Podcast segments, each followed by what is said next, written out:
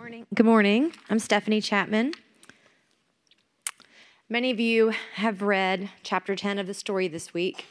And as we go through God's larger story as a church family, the sermons each week will be coming from that week's reading. This morning's scripture can be found starting on page 141 in the story. The text is from 1 Samuel chapter 14. Please stand for the reading of God's word. The Philistines assembled to fight Israel with 3,000 chariots, 6,000 charioteers, and soldiers as numerous as the sand on the seashore. They went up and camped at Michmash, east of Beth Aven. When the Israelites saw that their situation was critical and that their army was hard pressed, they hid in caves and thickets, among the rocks, and in pits and cisterns. Some Hebrews even crossed the Jordan to the land of Gad and Gilead. Saul remained at Gilgal, and all the troops with him were quaking with fear. He waited seven days, the time set by Samuel. But Samuel did not come to Gilgal, and Saul's men began to scatter. So he said, Bring me the burnt offering and the fellowship offerings. And Saul offered up the burnt offering. Just as he finished making the offering, Samuel arrived, and Saul went out to greet him. What have you done? asked Samuel. Saul replied, When I saw that the men were scattering, and that you did not come at the set time, and that the Philistines were assembling at Michmash, I thought, Now the Philistines will come down against me at Gilgal, and I have not sought the Lord's favor. So I felt compelled to offer the burnt offering. You have done a foolish thing, Samuel said. You have not kept the command the Lord your God gave you.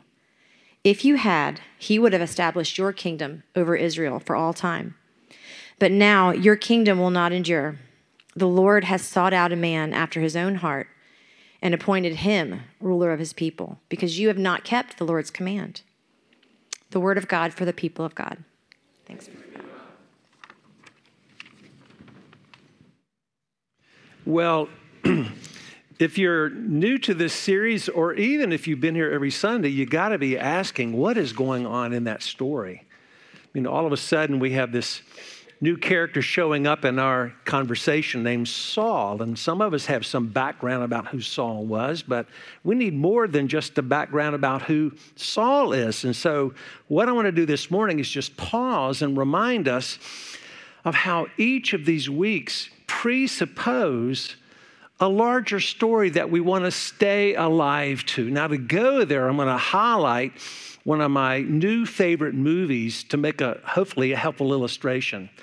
When I was flying to Edinburgh, Scotland, two weeks ago to speak with a bunch of church leaders and to preach in Edinburgh, I watched a movie. In fact, a lot of the new movies I only see when I fly now.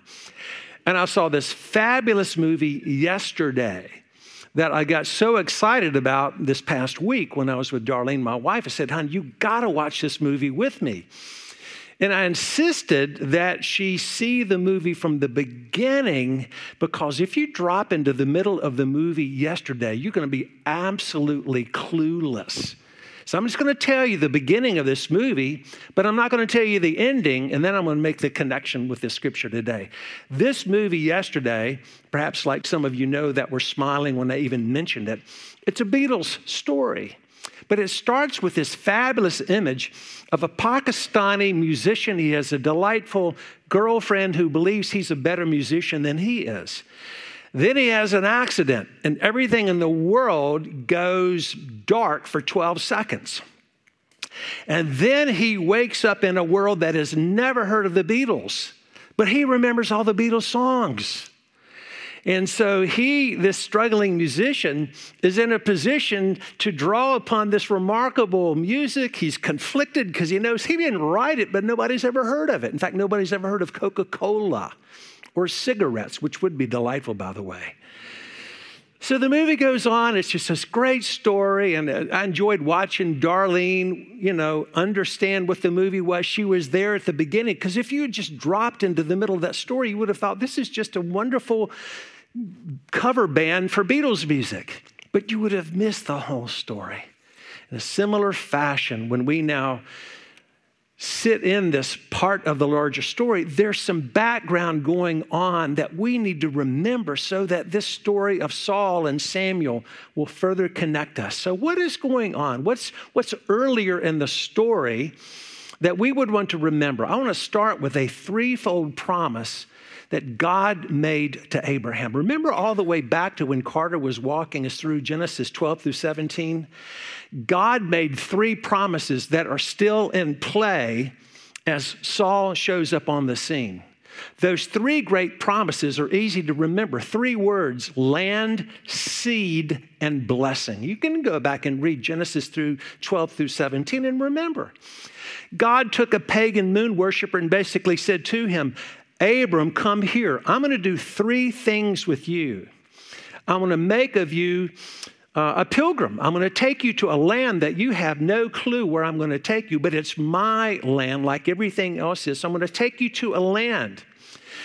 And I am going to make of you a nation, a nation that's never existed. What's the name of that nation, by the way? Not a trick question. That's right, Israel. Good. Thirdly, God said to Abraham, in this land, as I make of you a nation, eventually all nations on the earth will be blessed by what I'm going to do through this one nation, which we already know in the story to be the promise of the Messiah. Now, see, these three incredible promises are underway as we read any part of the Bible. All of history is bound up with God's commitment to be faithful to all of his promises.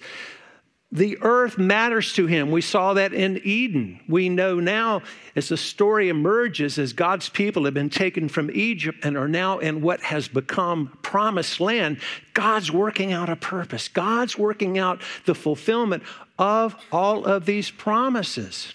Well, here's three other things that are going on at the same time in the scripture. Not only is there the promise by God of a land, a seed, meaning Messiah will come through the nation Israel, whose work will benefit all nations, but we're now in the, again, still in the period of the judges. We're transitioning. But the period of Judges is Israel's in the land of promise. They got there by God's grace.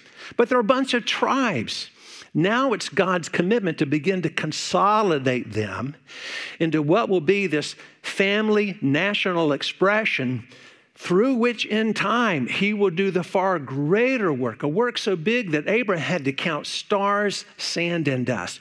Well, what's true of God's family living under these promises? Three phrases summarize the book of Judges. Three phrases would describe what are they like? What, what are God's people like as they're in the land and are becoming a nation? Listen to these three phrases. They summarize this period. The word of the Lord was rare in the land. Everybody did what was right in their own eyes, and there was no king in Israel. Those are three tragic statements, right? God's people, the word of the Lord's rare in the land. Now, he's begun to speak and he's already begun the prophetic school. Everybody's doing what's right in their own eyes. That sounds exceedingly chaotic, but we saw that in Judges. There was no king in Israel. Well, that's where the Saul story comes in. We just read a part of Saul's story. Let me remind you about its background. First Samuel begins with a remarkable woman, like most good stories do begin with a remarkable woman. Her name is Hannah. She's a woman of God and she longs to have children.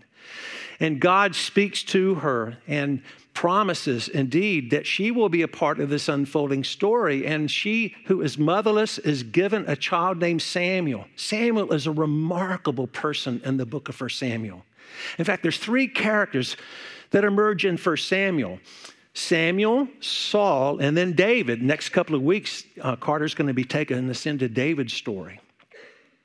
But Hannah has this baby, and Samuel, uh, as you read about him, he's a remarkable person. He, he speaks words from God to the people of God, and he's also given this calling that we find emerging when God's people were first coming out of Egypt. There needs to be sacrifice to worship God. God is so holy and perfect and he is so generous that he would provide the basis upon which God's people can know him and worship him and walk with him.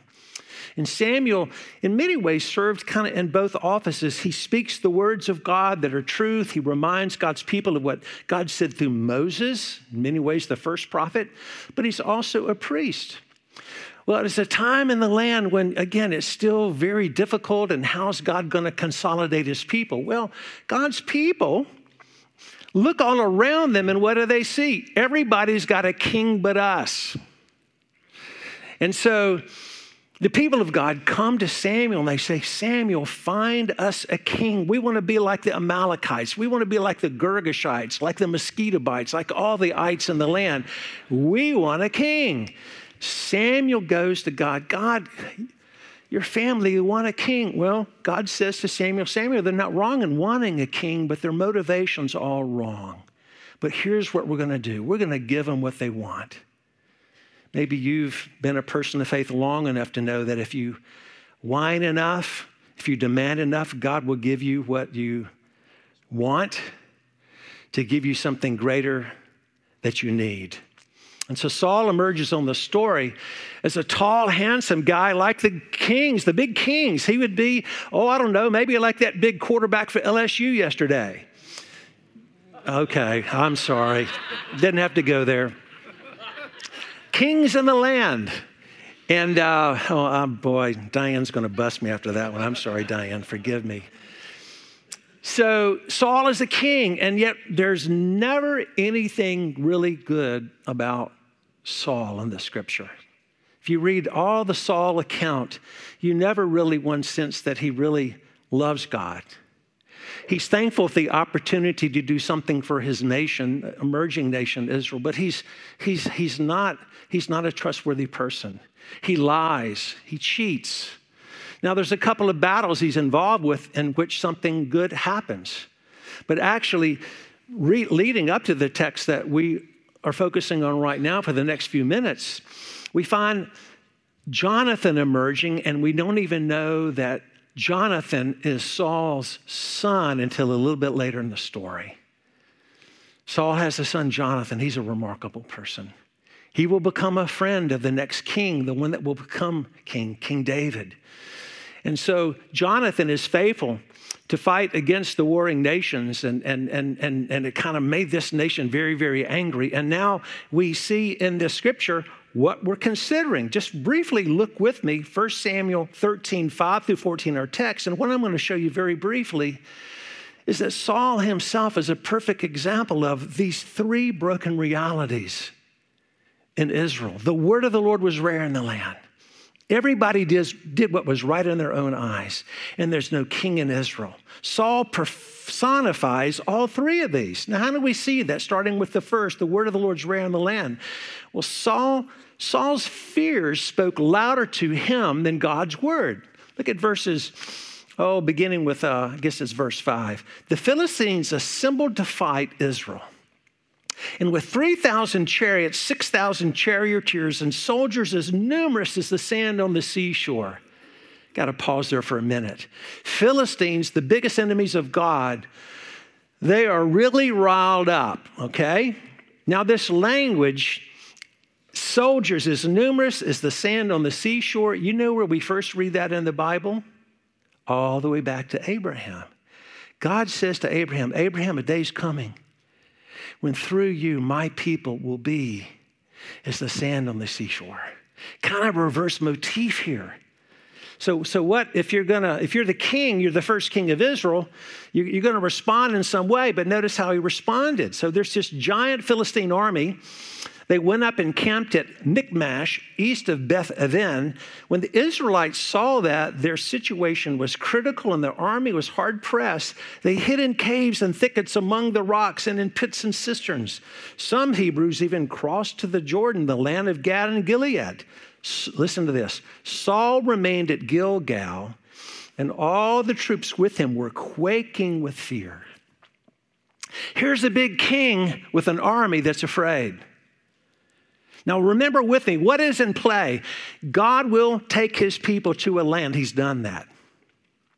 God will make them a great nation through which all nations will be blessed. See, it's possible to lose your story. It's possible to, in light of fears and all kinds of threats just to forget what's really going on.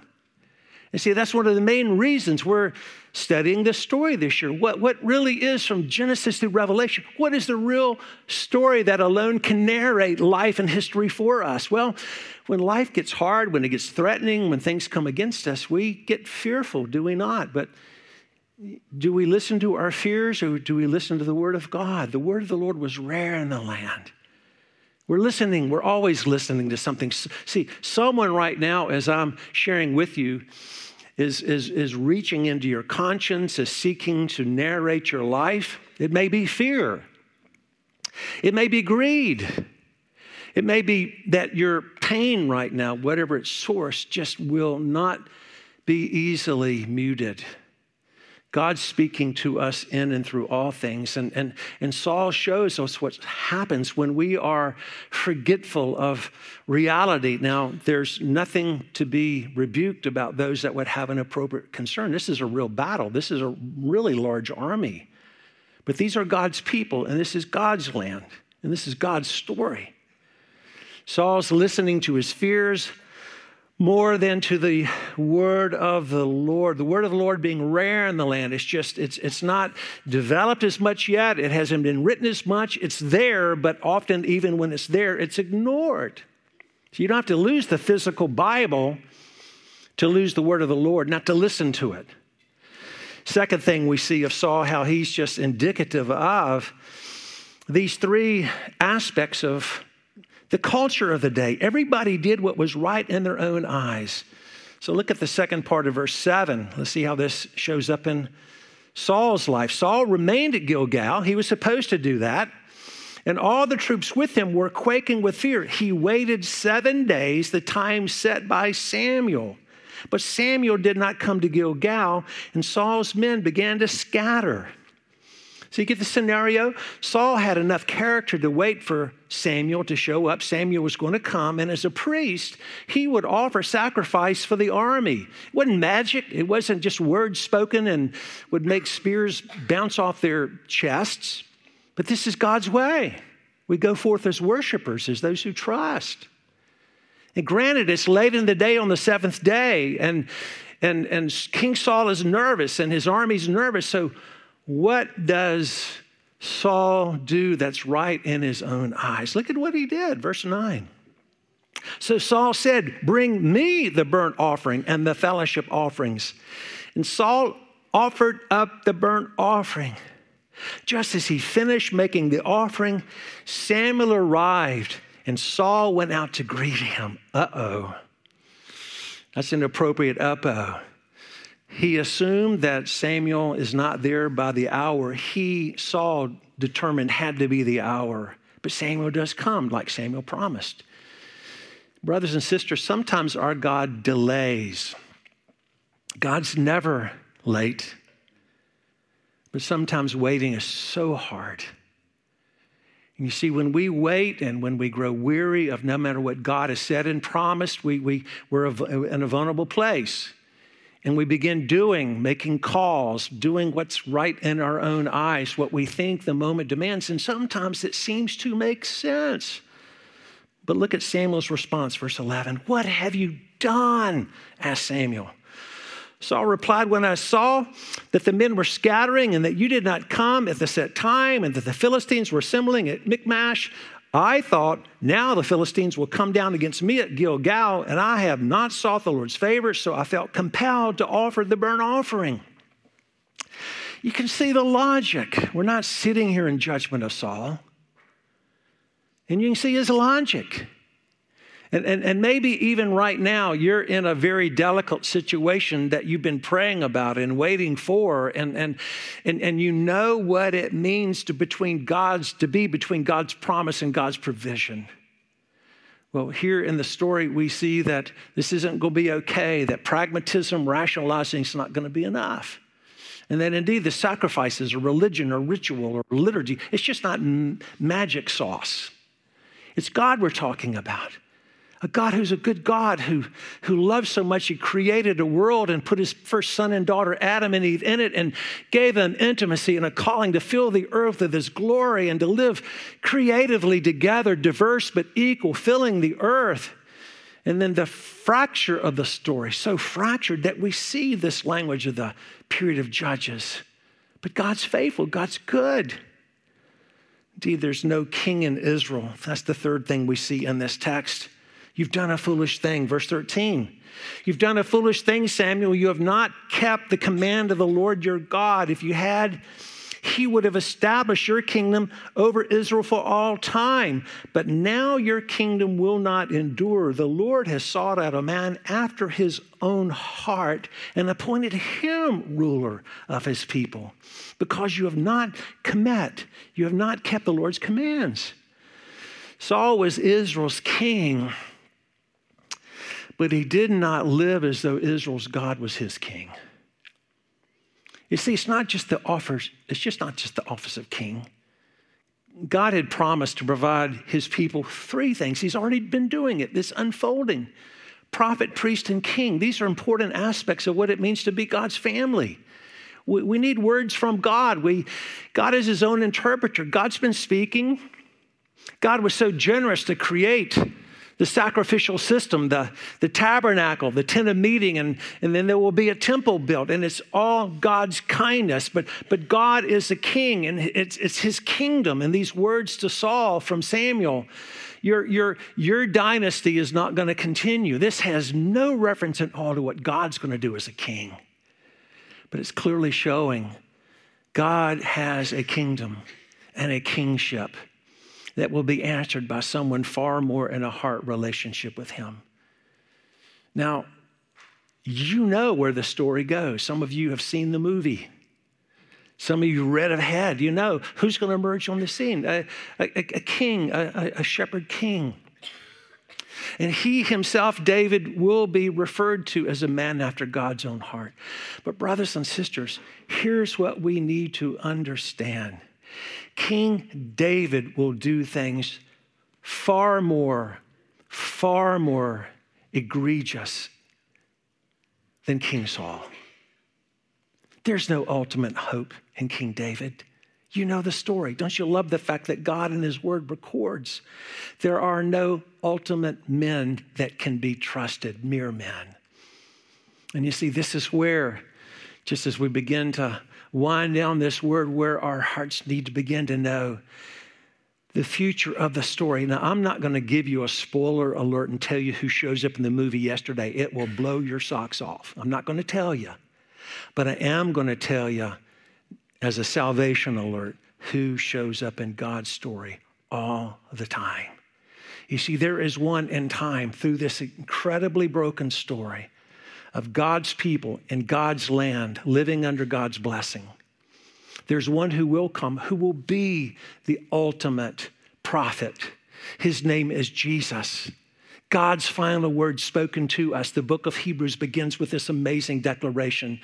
In previous times, God spoke to us by our fathers, but in these last days, He has spoken to us by His Son, whom He appointed the heir of all things. John's gospel begins, John chapter 1. In the beginning was the Word, and the Word was with God. And the Word, as John shows us, went on to be incarnate as the living Word, the ultimate final prophet, God's yes to every promise He has made, Jesus. The priesthood was never going to be enough. Samuel needed forgiveness as well. Those who served in the temple that would be built, they themselves need a sacrifice. Always God's story Salvation alert, not spoiler alert. It points towards Jesus. It's why Charles Spurgeon always said it's never a sermon until it gets to Jesus. Jesus is the prophet we need, He is the priest we need. Truly, every promise of salvation God has made, including making of this nation a family through whom the Messiah will come, it's all of God's faithfulness and grace and mercy that the Messiah actually made it through this nation, whose work benefits the nations of the world. God is redeeming right now as we sit here a family as numerous as the stars, sand, and dust, not because David was better than Saul, but because Jesus is the fulfillment of both. The king that we long for. He shows up announcing himself to be greater than Israel's temple.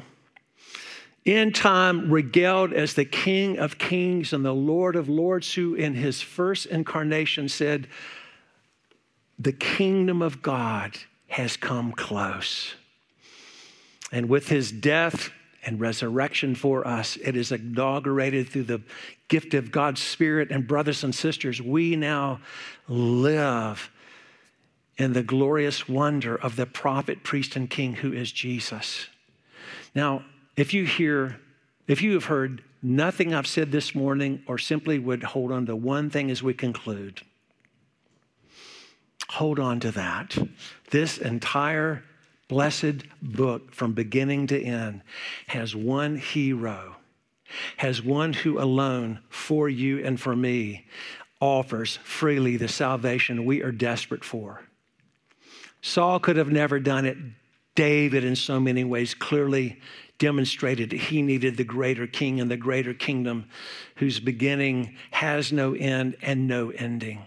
And I pray as we conclude now with prayer and the singing of a final hymn this morning, that our own hearts would be encouraged to say, not simply, Where am I in my reading of the book, the story, but do I see in this one the Lord Jesus Christ?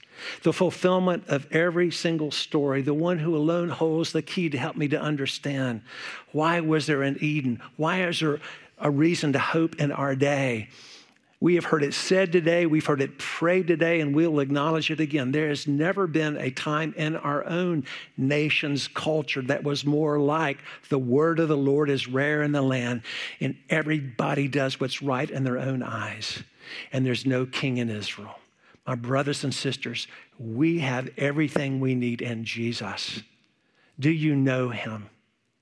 Do you know not just a nearness to God's kingdom, but do you know a citizenship in God's kingdom?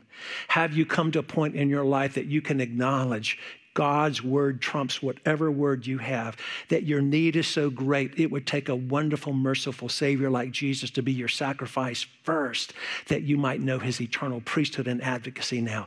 Do you now know what it means to live in a humble, glad obedience and surrender to the true King? To the one who right now is making all things new. Great is his faithfulness, not mine. Great is his faithfulness, not yours. Let us rejoice. Let us be glad. Let us abandon ourselves to Jesus.